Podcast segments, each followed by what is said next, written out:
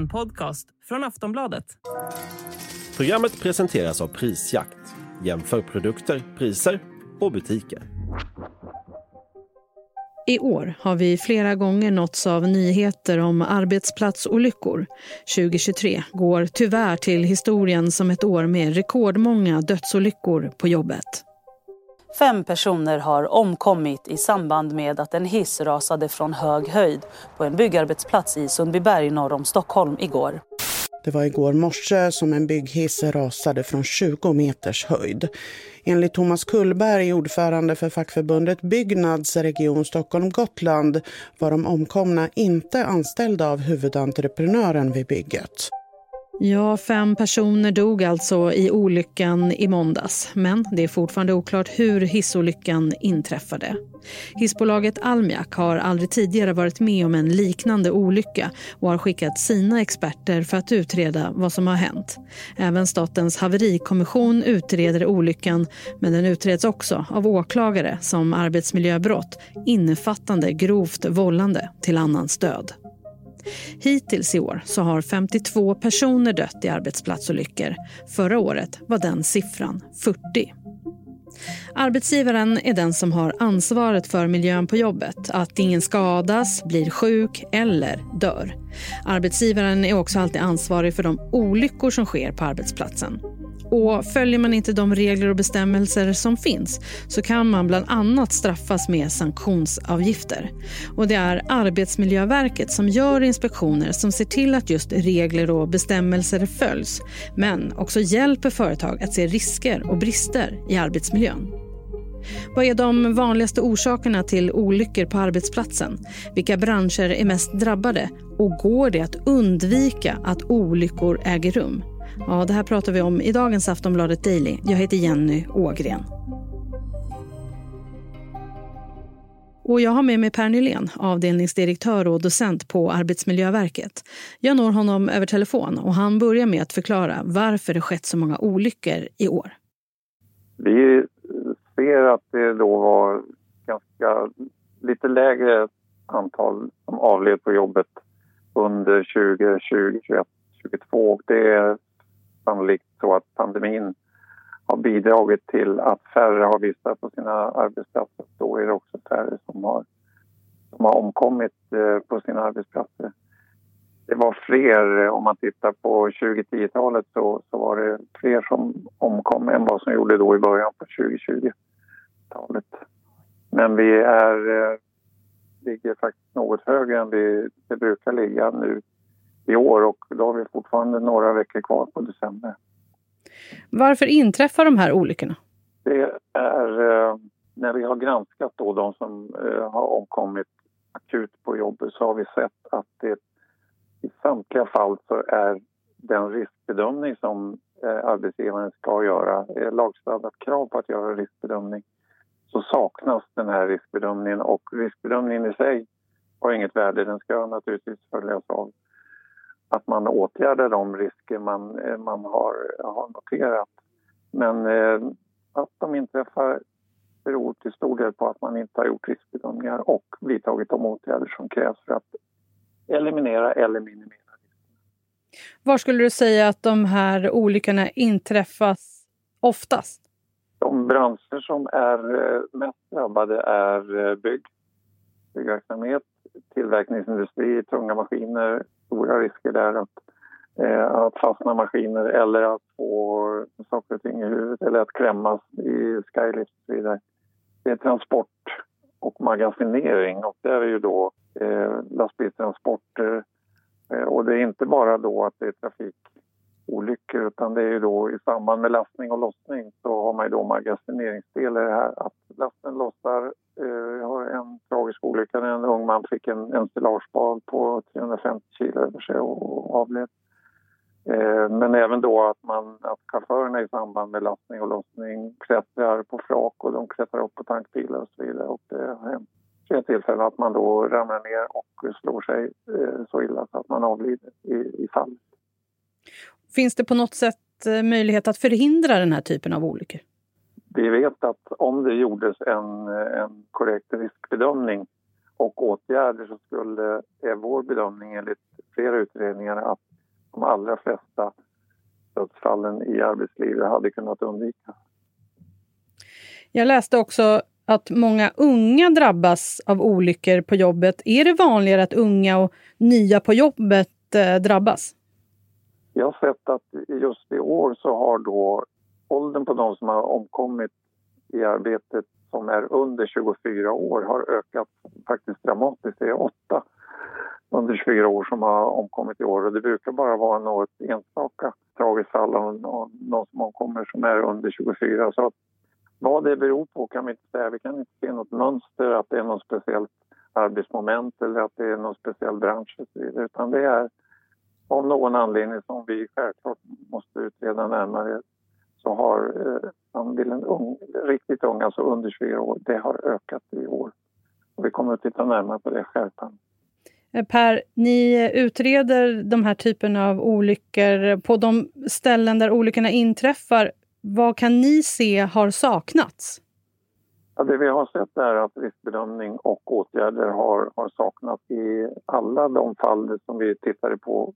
Arbetstagare som omkom 2018 och 2019 så saknades det i samtliga fall.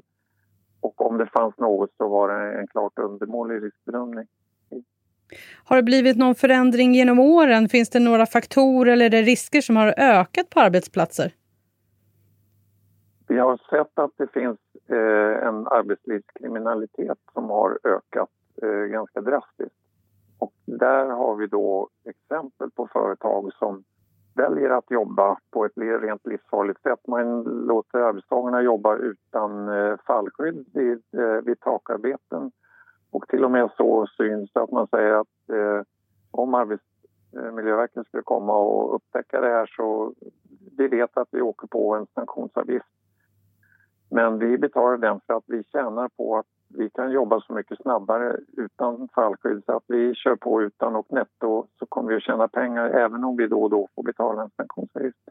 Den typen av arbetskriminalitet är oerhört cynisk och det kan förmodligen bidra till att man jobbar på ett livsfarligt sätt. Där har vi sett en ökning vad gäller kriminaliteten. Man lägger låga anbud och sen så, så tjänar man pengar på att jobba på, inte följa lagar och regler. Vi har ett stort arbete nu tillsammans med åtta andra myndigheter mot arbetslivskriminalitet, bland annat polisen, Åklagarmyndigheten, Skatteverket etc. Vilken är den vanligaste arbetsplatsolyckan och vad kan man göra för att förhindra att olyckorna sker? Vi pratar mer med Per Nylén om en liten stund. Normally, being a little extra might be a bit much, but not when it comes to healthcare. That's why United Healthcare's Health Protector Guard fixed indemnity insurance plans, underwritten by Golden Rule Insurance Company, supplement your primary plan so you manage out of pocket costs. Learn more at uh1.com. Per, eh, vilken är den vanligaste olyckan på arbetsplats överhuvudtaget? Det, det är eh, den mest drabbade branschen är ju bygg.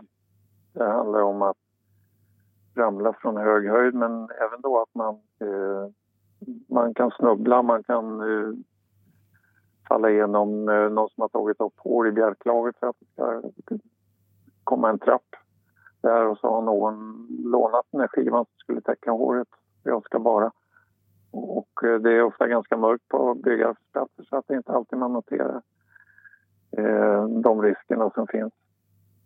Eh, klämolyckor, eh, fallolyckor, ja, det, det, är de som är vanliga. Är det alltid arbetsgivaren som är ansvarig för olyckor på jobbet? Ja, arbetsgivaren har det hundraprocentiga ansvaret för att arbetet sker på ett sunt och säkert sätt som det står i, i arbetsmiljölagen. Arbetsmiljöverket ska självklart bidra med information och med råd och stöd. Även då att vi inspekterar och kollar upp att man faktiskt gör de här livsviktiga bedömningarna eh, vad det gäller risker och, eh, och att man vidtar åtgärder.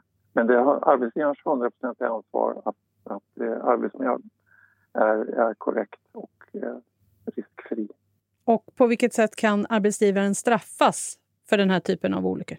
Det är eh, om en inspektör upptäcker att man inte följer lagar och regler så får man ett, ett påpekande och det kommer då bli en senare ett krav att man ska åtgärda detta. Då får man en, en viss tid på sig.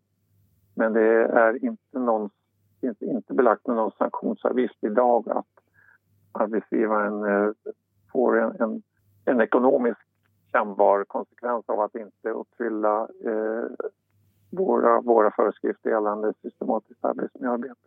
Till skillnad då från till exempel eh, den som jobbar utan laserskyddsglasögon så åker man på en sanktionsavgift på mellan 40 och 400 000 kronor. Då kan man ju jämföra det med, med att risken att förlora ett öga med att faktiskt avlida på jobbet. Så skulle det kunna finnas anledning att överväga om man inte borde ha någon form av kännbar ekonomisk konsekvens om man inte gör de här livsviktiga eh, riskbedömningarna och åtgärderna. Hur mycket kan man förebygga att olyckor händer? Jag skulle säga att man, hade man gjort korrekta riskbedömningar så är vår bedömning att man hade kunnat undvika det stora flertalet. Kanske till och med alla de eh, dödsolyckor som vi har noterat.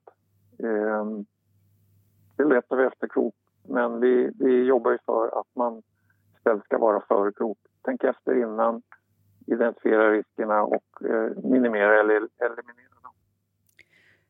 Hur mycket är ni ute på arbetsplatser och pratar om den här typen av olyckor och hur man, hur man förebygger? Det systematiska arbetsmiljöarbetet är, det är vår huvudföreskrift eh, och portalparagrafen i vår portalföreskrift systematiskt arbetsmiljöarbete, det är riskbedömning och åtgärder.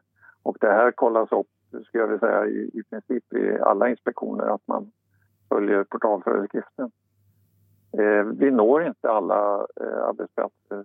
Vi når inte ens var tionde arbetsplats varje år.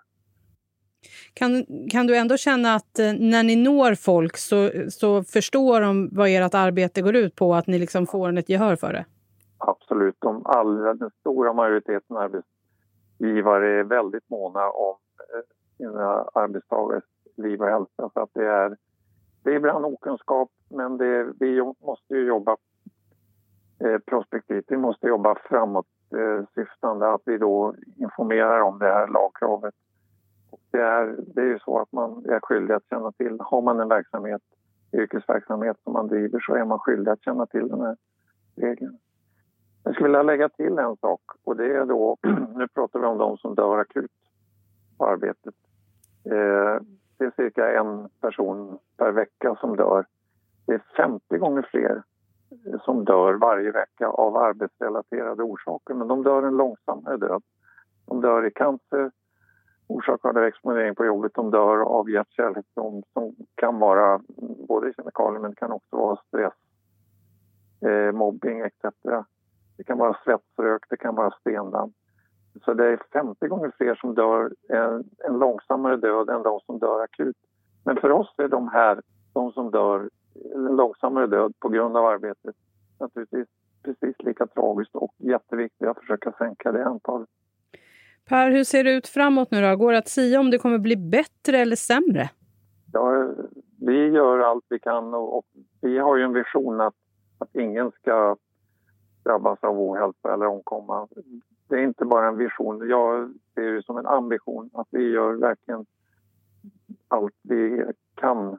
Jag tror att om vi kan... Nu har det varit en väldigt stor uppmärksamhet i media på eh, människor som omkommer i arbetet. Jag hoppas att det här gör att den, den allmänna kännedomen om vikten av att göra riskbedömningar och vidta åtgärder, att den har ökat.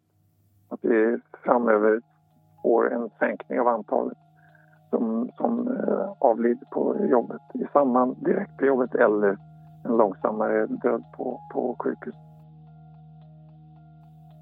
Sist här Per Nylén, avdelningsdirektör och docent på Arbetsmiljöverket. Jag heter Jenny Ågren och du har lyssnat på Aftonbladet Daily. Vi hörs snart igen. Hej då!